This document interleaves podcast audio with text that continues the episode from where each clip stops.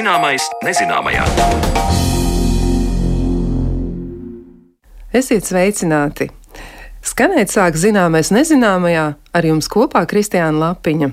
Šodien raidījumā pievērsīsimies debesīm vārda tiešajā nozīmē. Ne tikai uz lielceļiem vai ostās ir intensīva satiksme, bet arī gaisa telpa burtiski mūģ no pasažieru un kravas pārvadājumiem.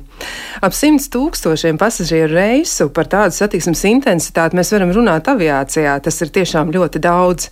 Taču neraugoties uz šo milzīgo apjomu, debesīs nelaimes gadījumi par laimi kļūst arvien retāki. Šodien raidījumā pievērsīsimies šiem retajiem atgadījumiem un skaidrosim, kādi ir bijuši cēloņi un sekas dažādām avio katastrofām. Bet pirms tam aicinu ieklausīties pētījumā par kādu materiālu, kas varētu glābt dzīvības lidmašīnas pasažieriem. Bet tagad stāsts par to, kā mūsu zinātnieki kopā ar vairākām ārvalstu zinātniskajām institūcijām izstrādāja jaunus, vidē draudzīgākus materiālus, kas var samazināt liesmas, ja gadījumā lidmašīnās izceļas ugunsgrēks. Skatos video, kur redzams, kā ar lodlampu tiek aizdedzināta neliela, caurspīdīga, pēc skata plastmasas plāksnīte. Tā uzliesmo, deg, bet aptuveni minūtes laikā liesma nodziest. Šajā materiālā ir iestrādāts ķīmiskais elements fosfazēns, kas samazina degšanu. Par jaunizveidoto pārklājumu lidmašīnu pilotu drošībai un kas tas tāds fosfazēns stāsta Latvijas Universitātes Materiāla mehānikas institūta vadošā pētniece un fizikas, matemātikas un optometrijas fakultātes docente Tatjana Glaskova Kuzmina. Tas ir tas pamatmērķis, jā, jā. samazināt to uzliesmojamību materiālam. Bet mēs neesam to sintēzējuši. Tas projekts bija sadarbībā ar um, Čehijas ķīmisko rūpnīcu Sinpo un arī ar um, Slovākijas Zinātņu akadēmiju Polimēru institūtu. Kā katram partnerim bija savs mērķis ja, un savi uzdevumi. Čehijas partneris sintēzēja fosfazēnus, un fosfazēns ir tā ķīmiska viela, kas aizkavē degšanas procesu. Tā nevar pilnīgi novērst, jā, bet aizkavē. Fosfazēnu plus ir tas, ka tas satur mazāk halogēnu, kas novērš tos arī dūmus, un tāpēc tas var ne tikai aizkavēt, bet arī to dūmu daudzums būs daudz mazāks. Čehu un slovāku pētnieki šo vielu sintēzēja, radot mazdegošo pārklājumu, savukārt Tatjānas vadītā komanda Latvijas Universitātes Materiāla mehānikas institūtā pārbaudīja minētā materiāla mehāniskās īpašības - spriegumu, stingrību, deformāciju. Projekta laikā aizsākās jauna sadarbība ar Lietuviešu sporta aviācijas kompāniju, kas izgatavo planierus. Tatjana Glaskova Kuzmina rāda nelielas plāksnītes ar tur iestrādāto fosfazēnu un stāsta, kā mūsu universitātes pētnieki turpina darbu pie vāji degošā lidmašīnu pārklājuma izstrādes. Tagad mums ir ļoti liela interese no vienas lietuviešu kompānijas. Viņi ražo tādus glaiderus, tādas mazas lidmašīnas, kas lido bez degvielas. Un tad pēc šī projekta, šis projekts mums beigsies nu, jau septembra beigās, bet viņi tagad interesējas par pielietojumiem. Un, um, viņi vēlas, lai mēs pilnveidotu viņu polimeru saistvielas, ko viņi izmanto savām mazām lidmašīnām, un pievienotu šos fosfazēnus. Tā kā pētījums turpinās, un tas turpinās pavisam citā līmenī, tāda industrijas līmenī, var teikt. Un tad praktiska nozīme ir daudz lielāka jau, ja, nekā tādam fundamentālam projektam, kas bija pirms tam publicējot eh, datus, eh, protams, tika apskatīta zinātniska literatūra un eh, daudz pētījumu tagad ir veltīti šim tematam. Jā, tas ir ļoti aktuāli, bet mūsu ideja bija pašiem sintēzēt. Tātad Čehu rūpnīca to sintēzēja, mēs pārbaudījām mehāniskas īpašības, Slovākijas Zinātņu akadēmija pārbaudīja degšanas īpašības, un arī šīs plaksnītes, ko jūs redzat šeit, tas ir principā paraugi, eh, kas ir domāti degšanas testiem. Tātad eh, mēs eh, paši gribējām attīstīties un pētījām standartus arī vertikāliem un horizontāliem degšanas testiem un attīstījām arī pie sevis to infrastruktūru. Tātad to, ko mēs tagad pētīsim lietuviešu sporta aviācijai, mēs paši mēģināsim arī dedzināt. Tā kā ne tikai stiept, jā, bet arī dedzināt. Kā notika šī, jā, šī degšanas pārbauda? Šādas materiālus ņem un aizdedzina un skatās, cik lēni, ātri deg dūmo Vai tas nebija tā, ka pārklāja kādu Jā. izmēģinājumu lidmašīnu? Un... Jā, protams, ir e, standarti arī vertikāliem un horizontāliem degšanas testiem. Ceļu roku, ko nozīmē vertikālie un horizontālie degšanas testi? nu, vertikāli ir šādi dedzina no apakšas, un tur ir noteikts attālums. Pie noteiktas temperatūras mēs izmantojam uh, to liesmas avotu, jā, un tad arī dedzinājam noteiktu laiku. Tur bija desmit sekundes jādedzina, un tad jāaptur tā liesma, un tad jāuzņem laiks, cik ilgi deg, un arī attālums, cik daudz. Jā. Un horizontālajā testā ir līdzīgi, tikai Tas paraudziņš ir novietots guļus. Jā. Un tad tā liesma ir no apakšas, un arī tāpat. Un šajā testā par cik um, vertikāli degt ir vieglāk jā, nekā horizontāli. Tad horizontālajā bija vairākas reizes jāpieliek tā liesma. Divas reizes, tā kā desmit sekundes, tad jāaptur, jāpaskatās, cik liels ir tas garums izdegts, tad vēlreiz desmit sekundes un tā tālāk. Bet runājot par reāliem tādiem degšanas apstākļiem, kā mums teica tā sporta aviācija no Lietuvas, tātad ir vajadzīgas divas minūtes, lai to lidmašīnu varētu nosēdināt. Jā, tātad, ja divu minūšu laikā tas materiāls iztur degšanas procesu, tad pilots var izdzīvot. Tātad mūsu interese arī ne tikai pēc standarta noteikt, vai šis materiāls ir stabils, bet arī reāli pārliecināties, ka divas minūtes teiksim, var izturēt. Parasti mums ir arī jautājums, ja mēs skatāmies uz kādu jaunu materiālu izstrādi, ko tas paģēra, cik lielu enerģijas izdalīšanu, lai tādu radītu. Varbūt tur jāceļ milzīgas rūpnīcas.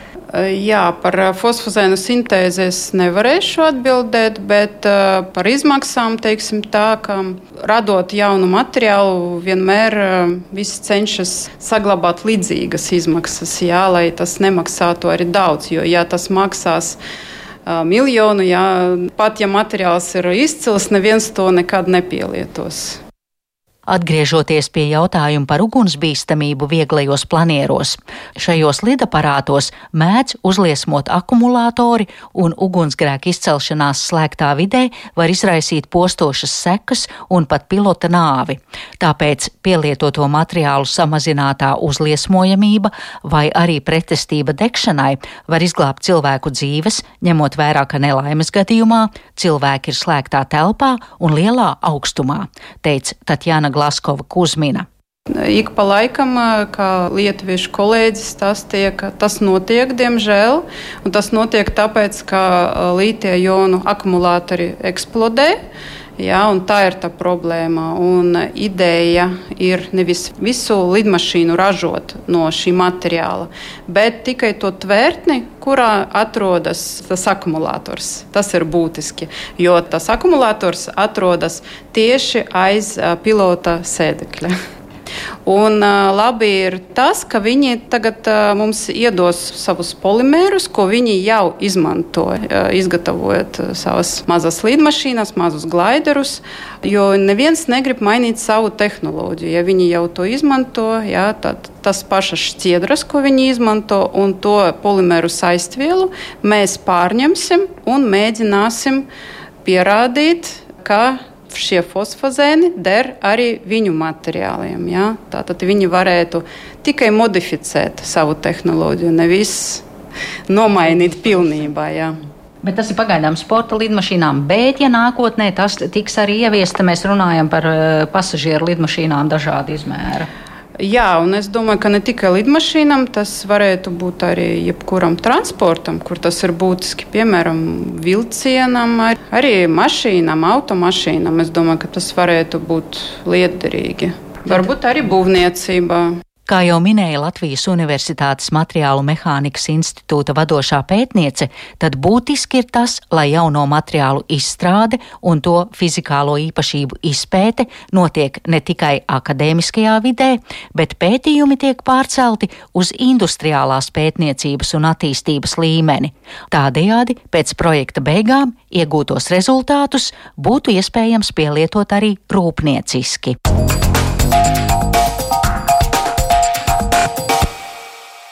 Paldies Zanai Lācei Baltāksnei par sagatavoto stāstu, bet turpmākās minūtes veltīsim avio katastrofu anatomijai.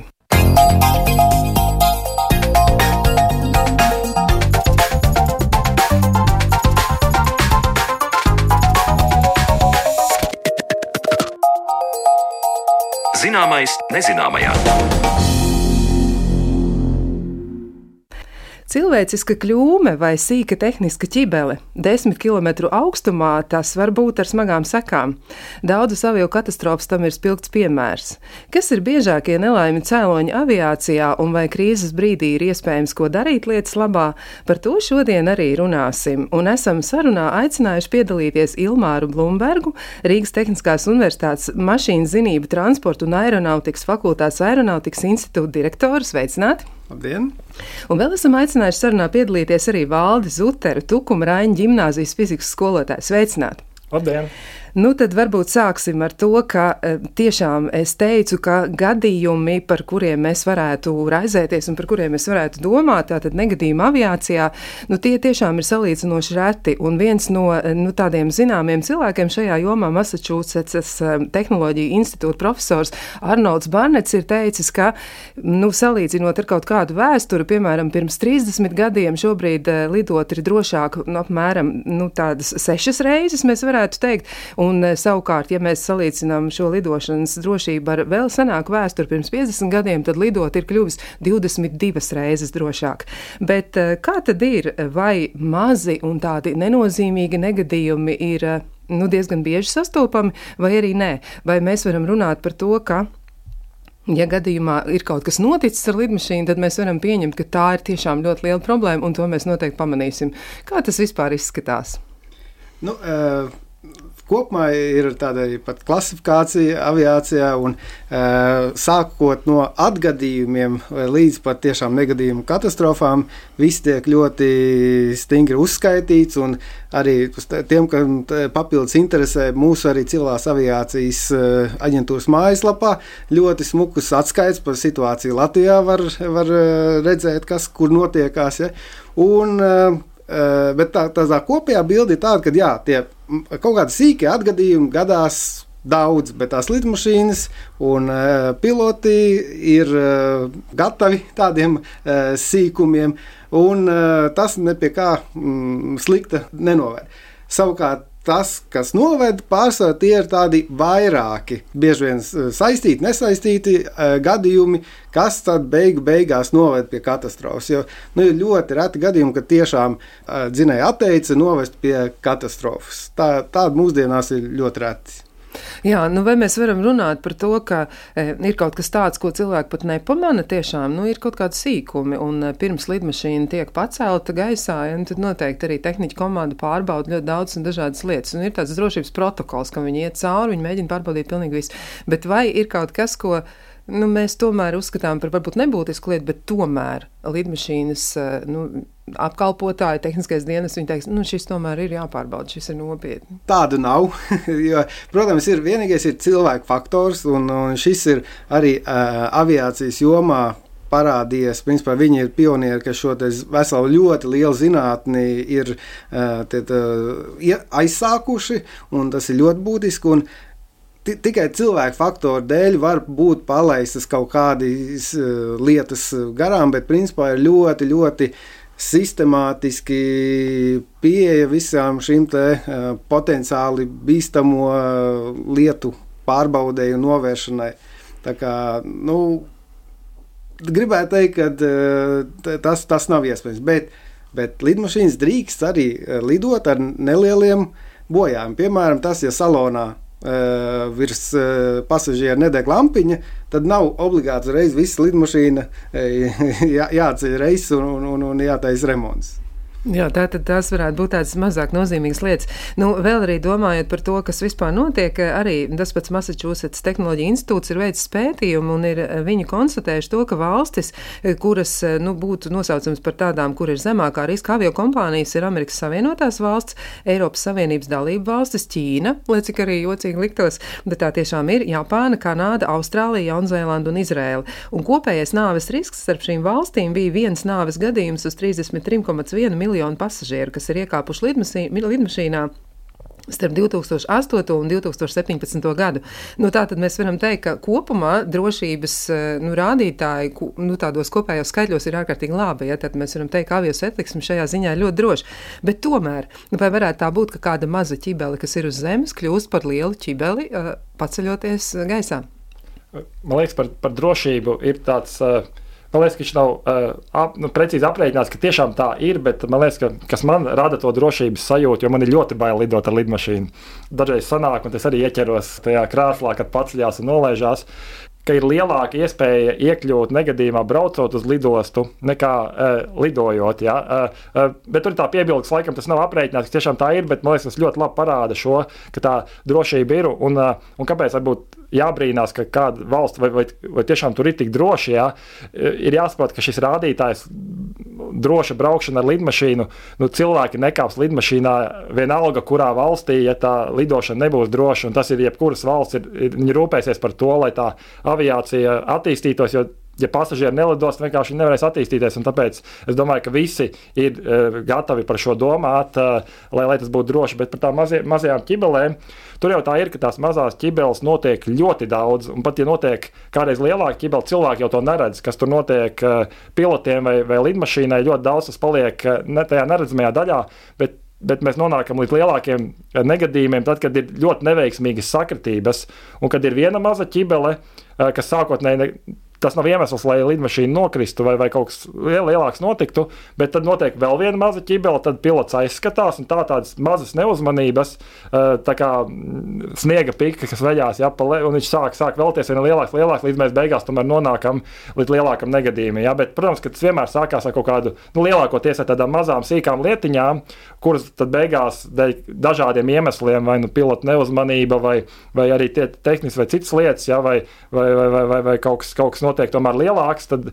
viņš tomēr gala rezultātā, jā, diemžēl, pie lielākas vai mazākas nelaimes no, aiziet. Jā. Varētu teikt, tā tāda summa ir. Varbūt arī jūs varat ilustrēt, tomēr, kas ir biežāk sastopamās problēmas, ar ko vispār mēs varētu raksturot avio katastrofas. Ja reiz mēs runājam nevis par sīkiem negadījumiem, piemēram, bet tiešām par jau lielākām e, problēmām, kas ir novedušas arī pie ļoti traģiskām sekām. Vai ir zināms, tīri statistiski, kas tad ir tie biežākie cēloņi, kāpēc lidmašīnas tomēr nogāžas?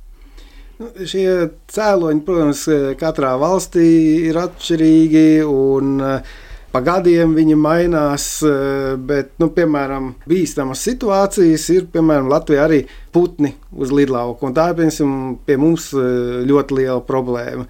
Ir pēdējā laikā pat pieaudzis šo atgadījumu skaits, kad lidmašīna saskaņās ar putniem. Bet, pa laimi, un cerams, tā arī būs, nevienas katastrofas pie tā nav novedis. Lai gan nu, tiešām tas skaits ir iespaidīgs, cik, cik, cik bieži tas gadās. Ja.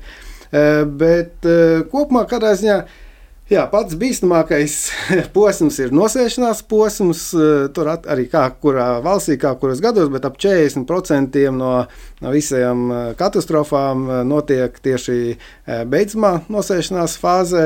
Nu, tad aptuveni kaut kādi 15% ir tieši ieskiešanās eh, fāzē, un eh, kaut kādi tur ap 20 ir pašā tajā kruīzā, jeb tajā kreiseru režīmā. Un arī īsumā pat pirms tam var notikties, eh, pēc šīm fāzēm arī gadās, kad, kad notiekās kaut kas, bet principā tie ir tie, tie galvenie, galvenās fāzes. Kā, kāpēc, ja tas notiek, mm, ja tos pašus gadus 20, 30, 40 atpakaļ dominēja tehniskās visādas kļūmes, eh, tad eh, šobrīd tās ir ļoti dramatiski samazinātas. Ja mēs kaut ko vienu samazinām, tas nozīmē proporcionāli, procentuāli pieaug kaut kas cits, un tas ir tas cilvēku faktors. Kopējais skaits kļūdu ļoti samazinās, bet, ja, ja tā pro, eh, procentuāli ziņā, tad pie katastrofām no, nu jau noved tieši cilvēku faktors, cilvēku kļūdas, nepareizas rīcības. Nu, Pārstāvā tie ir piloti. Arī uz zemes tātad, kļūdas, dispečera kļūdas, šādi, šādi arī mēdz arī, nu, gan jau esat arī dzirdējuši par gadījumiem, kad kāds transporta līdzeklis kurš pārkāpjot visas noteikumus, izbrauc uz tās krēceļa un taisni sakrīt.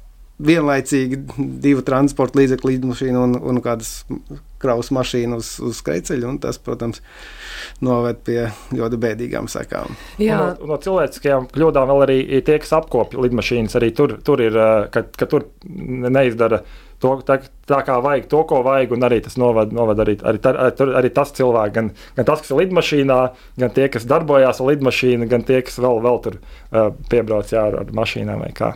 Jā, bet varbūt mēs varam nedaudz parunāt arī par šiem te būtiskākajiem mirkļiem, ja lidmašīnas pacelšanu, nosēdināšanu. Varbūt nedaudz ir vērts atgādāt arī tādus elementāros fizikas likumus, kas darbojās aviācijā, nu, aerodinamikas likumi.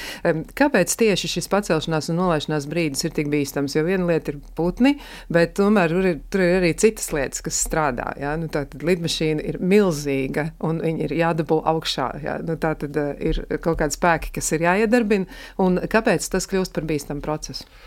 Te var, es dažkārt pieminēšu gan fiziku, gan arī cilvēcisko faktoru, jo, jo tagad mēs ar mašīnu ieskrēnamies, mums mašīna nemaina formu, mēs vienkārši gāzes pedāli grīdā un, un braucam, bet lidmašīnai ir tā atšķirība, ka ir jāmaina konfigurācija, kā tā lidmašīna ir ar spārnu, spārnu laukums, jo, jo mēs gribam lidot ekonomiski. Tas nozīmē, ka mēs tagad esam sasnieguši tos 10 km pieminētas augstumu, uh, kur ir gaiss ir mazāk blīvs. Tas nozīmē, ka tur pietiek, ja tur ir uzņemts liels ātrums, tur vairs tiem spārniem tik lielu šo laukumu nevajag, lai tur noturētos, un tas arī ir ekonomiskāk. Ja? Bet tajā brīdī, kad paceļās, ir svarīgi, ka spārniem tiek panākta konfigurācija, tā spārnu forma tiek palielināta. Tur droši vien speciāls ir nosaukt, kā, kā sauc tos, tā, tā, tās, tās ierīces, ja, bet principā vienkārši spārns tiek palielināts.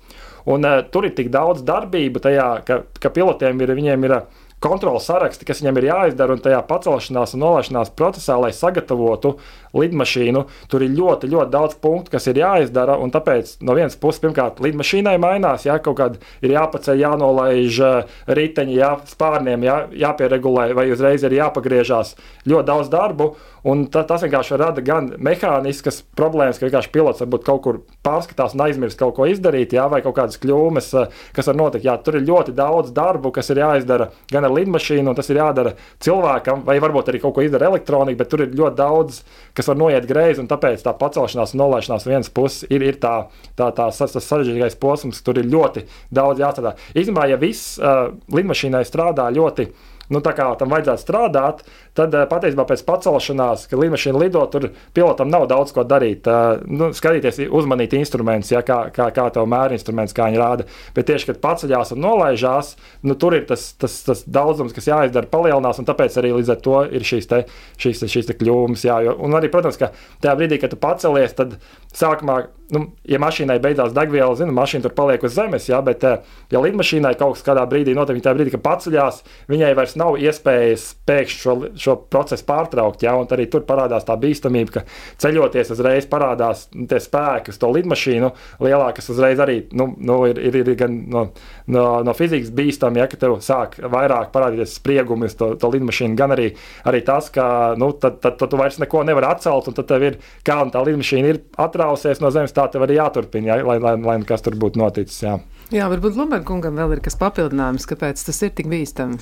Nu jā, nu pie, ies, tā, pie ieskriešanās, tajā pacelšanās fāzē, tur pārstāv šīs te tehniskās kļūdas. Nu, tā ir skaitā, piemēram, kad nav veikta pretapladošanas apstrāde, vai pietiekoši labi nav veikta, vai, vai centrēšanas problēmas, kad tā, tā lidmašīna ir nepareizi nocentrēta un tas rada problēmas. Bet savukārt pie nosēšanās tā pārstāv. Nu, ir tieši ļoti izaicinoši pilotam, jo, ja tiešām gaisā atrodoties kruīzes režīmā, pilotam nu, diezgan līdzīgi kā pasažieriem. Tur ir stipri garlaicīgi, nav īsti ko darīt. Ir ceļš uz modernās lidmašīnās, autopiloti lieliski tiek galā ar, ar, ar lidojumu. Tāda tā nosēšanās būtībā tās minūte, divas ir tik daudz vienlaicīgi jāpaspēj izdarīt, tik daudz lēmumu jāpies, jāpaspēj pieņemt. Un tā ir tā pilotu tā unikālā spēja, kāpēc arī ļoti būtisks arī psiholoģiskā atlase pilotiem, ka lūk šī pārslēgšanās no tāda mierīgā režīma uz ļoti, ļoti saspringtu. Un ja tajā uh, saspringtajā režīmā kaut kas uh, notiek ne tā, nu tad tiešām ļoti atkarīgs ir no šīs pilota. Tre, uh, sagatavotības savukārt. Jā, jā nu viena lieta ir arī drošības protokola maiņa, kas ir aizvien pilnveidojušies, bet kas ir mainījies pašo, pašā lidmašīnā, lidmašīnas eh, konstrukcijā, jo noteikti arī tur ir nākuši klāt materiāli, nu, kas ir izmainījuši varbūt lidmašīnas um, nu, tieši to, to tehnisko daļu, ja tā mēs varam izteikties. Tad kas ir tie jauninājumi, kas ir par labu drošībai? Es varbūt var, es esmu paņēmis vienu demonstrējumu līdzi, bet te, protams, ir rādio, tad nevar parādīt, bet tieši skaņēji, jo, jo šis jautājums ir arī nu, ar, ar piemēriem no, no, no vēstures. Ja, mēs esam, nu, mēs esam, tā lidošana ir tik droša šobrīd, tāpēc, ka, diemžēl, ir bijušas šīs te, e, katastrofas, nelaimes gadījumi, kur ir izpētīti un saprast, kāpēc tas ir un mēs uzlabojam. Un, un īstenībā daudz uzlabojumu nav nemaz acīm redzami, ko redzētu uh, tie, tie, kas sēž lidmašīnā, ja, jo, piemēram, tur ir dūmu detektori, tagad salīti gan toaletēs, gan kravas savos nodalījumos, piemēram, ja, kas pirms tam nebija, eh, kas arī dažādu nelaimes gadījumu rezultātā, ja, vai kaut kādas eh, darbības, ko jāizdara pilotiem vai, vai, vai dispečeriem. Ja. Bet uh, viens tāds ļoti, mm, nu, aviā, ir, ir daudz patiesībā šīs katastrofas, kas ir mainījušas aviācijas gaita, bet viena no tām ir. Uh, ir, ir Britu komēta, pirmā reaktīvā lidmašīna, kas jau nu, varēja lidot ļoti augstu, jo ir reaktīvais dzinējs. Un, eh, un tad eh, ir tā, ka pēc tam, ka divus gadus pēc tam, kad eh, šī lidmašīna jau bija lidojusi, tad vienkārši pēkšņi viena lidmašīna gaisā pēkšņi uzsprāgst. Ja, un, saprot, un, un, un neviens nesaprot, kāpēc tas tā bija. Ja, un vēl pēc pāris mēnešiem nākamā tā pati tipa lidmašīna arī vienkārši sadalās gaisā, ja, un viss aiziet bojā. Un, eh, un tajā laikā, tas bija 50. gadi, vēl nebija tās iespējas, kā mūsdienās, kā modelēt ar datoriem, kas tur varētu būt noticis. Un, eh, un, tad, un man arī unikāli liekas tas veids, kā viņi saprata, kas ir vājā vieta. Eh, tad, kad lidmašīna uzlido augšā, tur ir samazināts spiediens. Ja? Un, bet uh, cilvēkiem jānodrošina tomēr normāla tā atmosfēra, vai nu vismaz tuvu tai, kā mums ir šeit. Līdz ar to tas nozīmē, ka paceļoties un nosēžoties, tā, tā lidmašīnas ārējā struktūra elpo, ja viņi saraujās vai izplešās.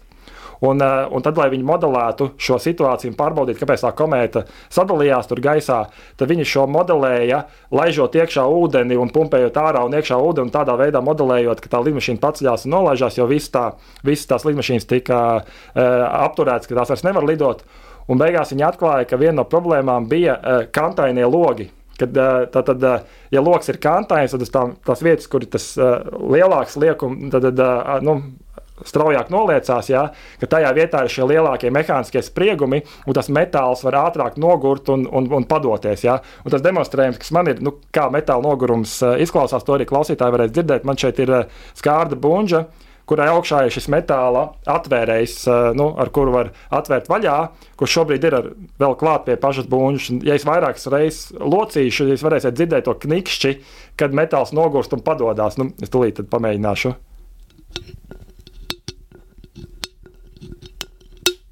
O, tagad uh, tas knikšķis. Ja?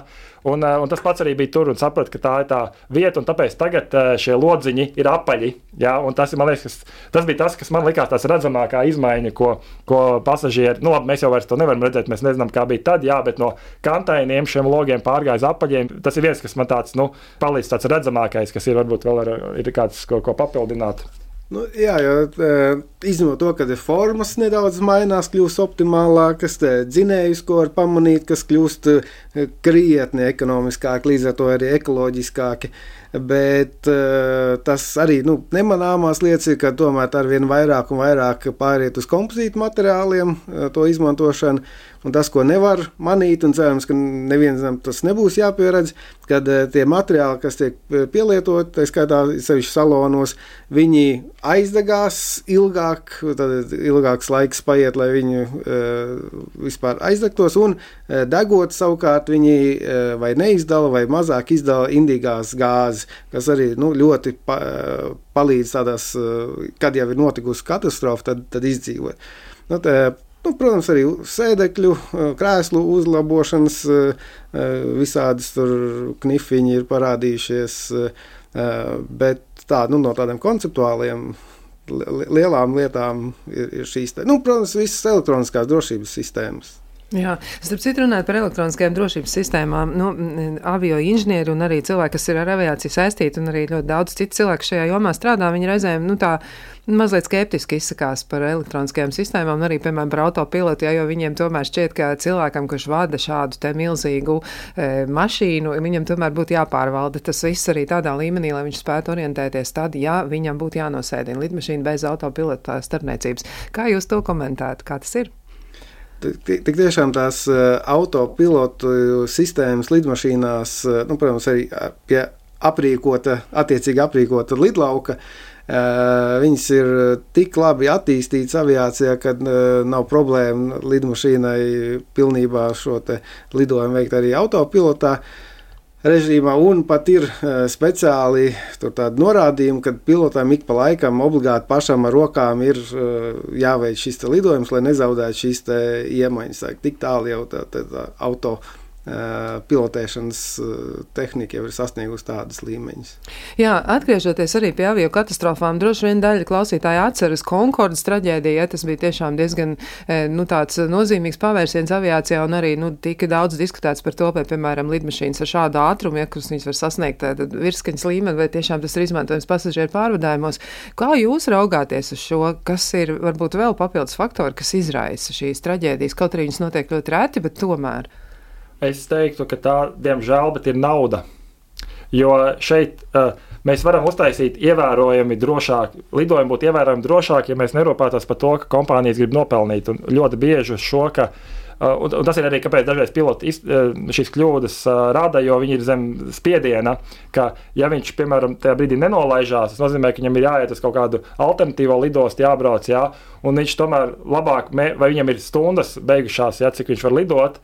Un tad viņš mēģinās nosēdināt arī tādos izaicinošos apstākļos, kur īstenībā patiesībā nevajadzētu to darīt. Un tad sākās šis, šis spiediens, ka, ka starp to, ko viņam prasa kompānija, ja, un kā viņš jūtās, ja, un tas rada papildus spiedienu. Bet, bet es teiktu, ka tā ir nauda un arī arī nu, ļoti svaigs piemērs, un arī runājot par autopilotiem, man liekas, ka ļoti labs piemērs ir uh, Boeing un Airbus. Uh, jā, kas, nu, tie, kas ir lidojuši, noteikti ir dzirdējuši, bet es domāju, ka šos vārdus arī dzirdējuši tie, kas nav uh, lidotāji vai, vai īpaši nesako līdzi. Jo tieši runājot par autopilotiem, šīm divām kompānijām ir tā pieeja, ka Airbus vairāk uh, iet uz to, ka ir automatizēts, jā, un, un Boeing tomēr vairāk paliek, ka tas pilots vairāk ir iekšā tajā, tajā lokā, kas tur notiek. Bet, bet, uh, Bet runājot par to naudu, jā, piemērs ir tas, ka ka ļoti nesen, salīdzinoši pāris gadi vai bišķi vairāk, Boeingam, divas Boeing maksas lidmašīnas jā, nogāzās. Un, un panalizēt, kāpēc tas notika. Un tur atkal apakšā bija nauda, jo, jo tā tad uh, Airbus uh, uztaisīja jaunas lidmašīnas, ja, kurām nebija jāpārmācās, nebija jāiegulda pilotos nauda, lai lidotu ar jaunām lidmašīnām. Un tas ir tikai par naudu. Tad mums nav jātērē nauda, lai apmācītu pilotus jaunām lidmašīnām. Mēs viņus sēdinām jaunajās lidmašīnās, un, protams, ka kompānijas ir gatavas pirkt šīs lidmašīnas, kurās mums nav jāiegulda speciāli līdzekļi, lai lidotu. Boeing saprata, ka nu, nu tikai rekur mums ir jānoķer, jānoķer viņi, bet problēma ir tā, ka, ja mēs uztaisām tikpat ekonomiskas, ja tur nomaina pabīda dzinējs kaut kādā citā vietā lidmašīnai, lai būtu ekonomiski, ka tad mainās tā vadība lidmašīnai. Un tas nozīmē, ka ir jāpārmāca piloti, un tas maksā, un to kompānijas negrib darīt. Ja viņas labāk nopērk, un tur, tur kur nav jādara. Un tad uh, Boeing iestrādāja šo, ka nu, tās izmaiņas, kas būtu, ka tās kompensē sistēma, ja gadījumā nonāk tajās situācijās, kur ir atšķirīgi, tas nozīmē, ka sistēma nokompensē un, un pilotam nav jāpārmācās. Principā sistēma izlabo to, ko pilotam, nu, eh, ko pilotam vajadzētu iemācīt, bet nu, mēs negribam to darīt, jo tā ir nauda. Jā. Un tas noved līdz tam, ka tās sistēmas kaut kur sajiet greizi, jā, un beigās pilots nesaprot, un īstenībā pilots beigās cīnās ar lidmašīnu. Un ļoti daudz uh, šo katastrofu ir, ka īstenībā pilots nesaprot, uh, ka viņš cīnās patiesībā ar autopilotu vai sistēmu. Viņš nepārzina, viņš nepārzina un, un tādā veidā nonāk līdz nelaimēji, jo viņš īstenībā nezināja, ka, ka autopilots viņu darbības, tas bija arī ar Boeing Max uh, gadījumā, ka, ka tur, tur īstenībā pilots nezināja, ka ir iedarbināta sistēma, kas arī kļūmes dēļ iedarbojās. Bet, bet ir, un, un man, manuprāt, šobrīd ir tas, ka mēs gribam ļoti lēti, jo cilvēki grib braukt, un tas lētums ir tas, ka mums mazāk gribās apkopot tās lidmašīnas. Jā. Mums vajag vairāk pilotus. Tas nozīmē, ka viņi ir ļoti daudz, to kompāniju paņem mazāk apmācīts, jo vienkārši nav to pilotu. Jā. Tu aiziet, tev, tev kompānija aug, cilvēki grib lidot, jā, un tev nav ko likt pie stūres, un tu, tu paņem, tad te, te kriteriji samazinās, kā tam pilotam ir jābūt apmācītam, lai ar viņu lidot. Un var redzēt, ka ļoti bieži vienkārši vajag pilots un paņem nu, tādus, kuriem pēc tam analizēja un šo vispār nevarēja sēdināt. Ja, viņam nezinu, nav pieredze nosēsties bez instrumentiem. Ja, ka, ka kapteinis, kas ir ilgu laiku lidojis, izrādās, ka beigās, tad, kad viena sistēma nestrādā, kas palīdz nosēsties, ja, un viņš īstenībā nemaz nav kārtīgi iemācījies nosēdināt lidmašīnu bez tās sistēmas, un viņam pienāk apstākļi, kad tā ir jānosēdina. Un viss, jā, un, un, un ar, ilgu, ar, ar ilgu pieredzi cilvēks. Jā, tad, tad es teiktu, man, manā uztverē, ka šobrīd tas ir naudas jautājums. Uh, nu, tā es skatītos. Bet uh, tas ir mans, mans personīgais skatījums, kā nu, interesantam jā, skatoties, kas notiek. Tas, kā. droši vien es arī atceros šos gadījumus. Es arī atceros, es lasīju ap, aprakstus, ja, ko izmeklētāji bija snieguši, nu, informāciju, kāds ir viņu viedoklis par to, kas ir noticis. Droši vien, jā, mēs varam runāt par tām cilvēciskajām lietām, bet tomēr eksistē vēl arī kaut kādi citi apstākļi. Nu, ir arī daba pati par sevi. Ja ļoti bieži cilvēki sabīstās arī no turbulences, ja tajā brīdī, kad viņi atrodas jau, nu, ir tā saucamais kruīza režīms un mainās gaisa masas, mainās retinājuma pakāpe, vēl ir kaut kādas izmaiņas. Kāpēc tā ir, ja, cilvēki tik ļoti sabīstās, un e, vai tam ir arī pamatots iemesls, ja, jo tiešām reizēm varbūt arī tā ir, ja, ka pieņemsim vētras klātbūtni, nu, tas nav labākais kompanjons ja, lidojumam. Tas kāpēc bija tās, tāpēc, kad uh, Vienkārši nav nekāda brīdinājuma, ka to tās tā gaisa bedra būs. Viņa pēkšņi ir un, un nevar saprast, cik liela viņa būs. Citreiz tur tikai mazliet tā kā pa bruģi pa, pakratās tā lidmašīna, citreiz tiešām tā, ka uh, somas paceļās gaisā. Ja? Uh, bet labums ir tāds, ka uh, Ja pastāstīs kādas video, kur tās lidmašīnas tiek izmēģināts, tad tie spārni iztur no tādas slodzes, ka viņi var uzlocīties augšā nu, un ne, nesalūst tā, ka neviens pasažieris to nav redzējis. Ja, un, un, un tas viss ir normāli tai konstrukcijai. Tā, tā kā pārsvarā tomēr turbulences nav bīstamas, jo, ja ir pilots Izņemot tie retie gadījumi, kad pilots apzināti pārkāpj kaut kādas noteikumus. Normāli piloti neielido tādos apstākļos, kur tā laika apstākļi ir bīstami lidmašīnai. Līdz ar to, ja viņš tomēr lido tajā vētrā, tā tad tā konkrētā lidmašīna ir tik laba, ka viņa ar, tiek galā ar to vētras apstākļiem. Bet, ja jūs tagad precizētu, varbūt, kas ir tas, nu, tas, nu, tas vētras stiprums, vai arī kas ir tie nosacījumi, kas ir tas, ko pilotam nevajadzētu darīt? Nu, kas tad varētu kļūt par iemeslu lidmašīnas bojājai un arī pasažieru nāvei? Nu, diezgan bieži ir šīs te,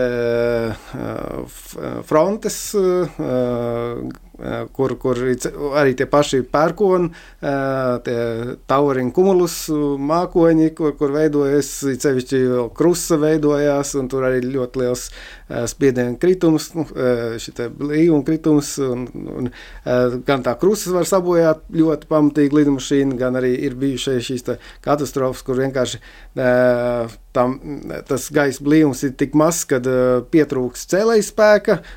Tā lidmašīnā viņi sāk grīstē vienkārši nekontrolēti krist lejā, un pēc tam vai nu paspēja iziet no tās grīzes, vai nepaspēja. Bieži vien gadās, ka nepaspēja iziet no grīzes, un savukārt pie pašas nosēšanās, uh, nu, arī dažreiz pie pacelšanās ir tie vēja dalīšanās, windshare, tāda, arī tāda problēma, kas arī diezgan negaidīta, bet nu, modernās lidostās visur tur jau ir aprīkots un laicīgi pilots e, tiek apziņot par to, ka ir tāda lieta, citi uztais vienkārši vēl vienu aplīti, tad tas beidzās, e, tas fenomens, un, un viss droši var atkal nosēsties. Un, un tā ir vēl viena lieta, kas ir mainījusies dēļ tam, ka lidmašīnas šādā veidā ir nogāzušās, ka, ka ir arī, arī šim lidmašīnas ir aprīkots tagad ar šiem meteoroloģiskiem radariem, un ka īsumā arī pilotiem ir e, ļoti precīza informācija, kas viņiem priekšā notiek. Jo, jo ja, tā, ja tā gaisa bedra ir kaut kur augšā, kad lido ar lielu ātrumu, liela jau problēma tur nav. Jā, un, un lidmašīnas ir izturīgas. Ir bijuši gadījumi, ka tur krīt tā lidmašīna un beigās vēl, vēl bez tam nosēžās. Kaut gan tur liktos, ka tai lidmašīnai būtu jāsadalās ļoti izturīgas. Bet e, te atkal runa par to pacelšanos un nosēšanos, ka tā lidmašīna ir visjūtīgākā, jo tad ir tas ātrums ir mazāks, ja, jo, un līdz ar to lidmašīna ir jūtīgāka uz, tā, uz tām plūsmām vēja. Un, jā, un ir šie, te, es gan Latvijas nezinu, microbursts, bet tās ir šīs te, ka pēkšņi ir uz leju, uz leju iet tas gaisa plūsmas. Tas nozīmē, ka lidmašīna ielido principā vietā, kur ap, vairs nav cēlēja spēka, un vienkārši tur, un tur nekas vairs nevar, jo tev nav ne ātruma, ne augstuma, un tu nevari vairs šo situāciju izlabot. Ja tev tas gadās augšā, tad tev ir vēl laiks, tev ir augstums, kurā šo izlabot, iegūt ātrumu un iziet no situācijas. Bet tad, kad tu nolaidies un tev pēkšņi ir šī leju vērstā gaisa plūsma, nu viss tu, tu, tu vairs nevari. Tāpēc, uh, principā, ja iekļūst, tad, tad, tad, nu, tad jācer, ka, ka izies, neko vairs nevar darīt. Bet tāpēc ir šie te, uztvērēji, kas pasaka, ka, ka ir šādas plūsmas, un no tām vienkārši ir jāizvairās. Jā? Un tas ir tas arī, kas ir nu, parādījies, jā, ka, ka precīzāk tagad var šo noteikt. Jā. Nu, vēl maz druskuļi runāt arī par eh, pašiem cilvēkiem. Piloti tomēr ir eh, nu, tādi diezgan azartiski lielākoties, un cilvēki, kas ir ļoti noskaņoti tās debesis redzēt paši savām acīm, un arī varbūt viņiem ir tāds nu, savs, eh, savs viedoklis par to, kāpēc viņi tur ir. Bet kā ir tieši ar viņiem? Vai tas, ka viņi atrodas šādos neparastos apstākļos, vai tas varētu ietekmēt viņus, un varbūt arī šī lēmuma pieņemšana ja tajā grūtajā brīdī? Nu, varbūt jums jau ir kāda ideja par to, un arī jūs zinat kaut ko par pētījumiem vai secinājumiem, kas ir ļāvuši vairāk spriest par to, kā tieši jūtas pilots atrodoties eh, lidmašīnā un nu, apzinoties to, ka viņam varētu nākties pieņemt kādu riskantu lēmumu? Nu, e Kopumā jau vispār e, visa aviācijas saima tā ir tāda ļoti nu, īpaša cilvēku grupa, kam, kas uh, absolūtais vairums tur ir, tāpēc ka viņiem ir tā tieksme, vēlme būt šajā arī sabiedrībā, būt uh, pie, pie šī mazā brīnuma, ka, kad cilvēks spēj pacelties gaisā. Uh, Un, uh, un, un, un līdz, savukārt piloti, uh, viņi, uh, ja viņi domātu katru dienu, kad es tagad pārvadāju 100, 200 pasažieru un uz mani gūst tā lielā atbildība, viņi, protams, tur traki palikt. Tas ir tā, ka jā, viņi, protams, zina, ka viņiem ir šī liela atbildība, zina, ka viņiem ir jāievēro visi noteikumi, un tad viss būs kārtībā. Un, principā, tā arī tā arī var lidot. Īpaši galva par to nelauza. Ja? Bet uh, vēl viens jautājums arī par to, kas ir mainījies uh, nu, tieši tādu nu, drošības, uh, nu, tādu, nezinu, jaunievedumu ziņā, kas ir vēl nācis klāt. Jūs pieminējāt dūmu detektors materiālus, kas vairs nedeg vai, vai, vai maz ir spējīgi aizdegties un izdalīt indīgas vielas. Kas vēl ir nācis klāt? Jo noteikti arī ir kaut kāda papildinājuma, kas noteikti drošības situāciju uzlabo vēl, vēl kas, ko cilvēki varētu pamanīt, un arī tas ir pēc atgadījuma, kad, kad lidmašīnā diemžēl tika ienesis spridzeklis un uzsprāga. Tika pieļauta situācija, kad, kad šī bagāža ir reģistrēta, bet cilvēks neiekāpa lidmašīnā. Tāda situācija tika pieļauta. Un, un kopš tā laika šis ir pilnīgi izslēgts. Ja, ja, ja nav visi cilvēki, kas ir reģistrējuši bagāžu, kas ir iekrāmēts lidmašīnā, ja šī cilvēka pēkšņi nav, tad, tad lidmašīna nepaceļās. Ja. Tas ir vēl viens pēc tam, ka kad tika šādā veidā spridzeklis. Tur arī, protams, psiholoģiski tika um, apstrādāts tas, kas pieņem to bagāžu, jo tajā laikā jau tā īsti nevarēja, bet viņš tur, tur apstrādāja un beigās dabūja, ka, ka ieliek to, viņš pats neparādījās, ja, un beigās šī lidmašīna uh, uzsprāga. Tad tas ir vēl viens arī tāds nu, jaunievedums. Kā ir tad, ja cilvēks ir bez bagāžas? Es atceros Arthuru Heilī brīnišķīgo romānu Lidosta, ja, kur viena no centrālajām figūrām ir šis būvuzņēmējs, kas ir zaudējis savu dzīvi, vienīgais, ko viņš ir izlēms darīt, ir apdrošināt savu dzīvību par visiespējamo augstāko summu, un viņš ņem līdzi sprīdzeklī, ko viņš ir nolēmis uzspridzināt. Beig beigās arī notiek šis sprādziens, ir dehermetizācija, un beig beigās tomēr lidmašīna laimīgi tiek nosēdināta. Uz to arī balstās visa romāna darbība. Bet kā tad ir? Vai ir vēl kaut kādas šādas lietas, kas attiecās varbūt tieši arī arī uz pasažieriem. Ja? Un tas ir nu, drošības protokols. Noteikti, kad jūs eh, kā pasažieri esat arī eh, sastapušies ar ierobežojumu šķidrumus, vairs nedrīkst ienest tā kā kādreiz, jo arī tas varēja ļaunprātīgi tikt izmantots. Vēl ir tas, kad kādreiz pie pilota bieži vien pat bija vaļā durvis, tagad viņas vienmēr aizslēgtas, arī lai novērtu, mazinātu terorismu draudus kas atkal ir parādījies, nu, pa laimi pēdējā laikā tas atkal sistēmiski tiek, tiek risināts, un, un, un paldies Dievam, nav, nav atkārtojies, bet šie apzinātās pašnāvības, kur arī bija gadus, nu jau nezinu, 5, 10 atpakaļ, kur ar pilnīgi laba lidmašīna apzināti vienkārši pilots ar visiem pasažieriem ietriecās zemē. Nu, tā kā pret to arī, jo aviācija aviācijas tas galvenais noslēpums, kāpēc tik labi dati drošībā tiek sasniegti, ir tas, ka tu necenšas kādu konkrēto vainīgo noķert, sodīt. Tikko kaut, kaut kas notiek, visam ir tiek pieiets sistēmiski. Un tikko kaut kas notiek, sistēmu pielabo tā, lai tas vairāk neatkārtotos. Un tas ir arī mans ieteikums mūsu gan sevišķi valsts iestādēm, bet arī citreiz arī pat privāti uzņēmumi grēko, kad eh, mēģina kaut kādas akcijas taisīt un, un tad ķert tur grābt. Bet principā būtu jātaisa vienkārši sistēmiski pieeja, un tad pats viss sāk sakārtoties. Jā, nu tiešām tā tad ļoti daudz dažādu jaunievedumu. Um, tiešām es teiktu, jā, pārliecinoši. Man joprojām liekas būtiski šie dati, par kuriem arī runā pētnieki, ka nu, tomēr kopējais tas skaitlis ir tāds iepriecinošs un ir ļoti, ļoti maz šo te traģēdiju. E, nu, vēl tad arī noslēdzot sarunu, tieši runājot par simulatoriem vai arī par dažādu veidu tādu prognozēšanu, un, un cik šis palīdz uzlabot drošības jautājumus, nu, tieši domājot par nākotni. Tas viennozīmīgi ir mūsdienu drošības pamatā, jo, jā, protams, arī treniņi, visādi lidojumi, kur ir speciāls programmas, kas tur pilotiem jāizdara. Tas paliek joprojām spēkā, bet mūsdienu simulātori uh, ir tik eh, reāli, un tur var uh, radīt mākslīgi tik daudz šīs ārkārtas situācijas un kombinētas uh, situācijas, kad atsaka gan dzinējs, gan ugunsgrēks, gan tur uh, vēl kaut kas reizē, ja, kurš dzīvē vispār varbūt pat nav gadījies, bet viņi, viņi tam ir gatavi. Tas nozīmē, ka viss var tikt izdarīts, lai padarītu lidojumus vēl drošākus. Šajā mirklī man jāsaka jums paldies, un es teikšu paldies Ilmāram Blumbergam, Rīgas Tehniskās Universitātes mašīnu zinību, transporta un aeronautikas fakultātes aeronautikas institūta direktoram un arī Valdim Zuteram, Tukuma Rāņa ģimnāzijas fizikas skolotājam. Paldies jums par sarunu, paldies par to, ko izstāstījāt un iedrošinājāt gan mani, gan arī klausītājs turpināt uzticēties aviācijai. Un eh, teikšu tā, studijā bija Kristiāna Lapiņa, pie skaņpulta strādāja Kristīna Dēle, bet mūsu Mūzika bija ģirta biša pārziņā. Uz tikšanos!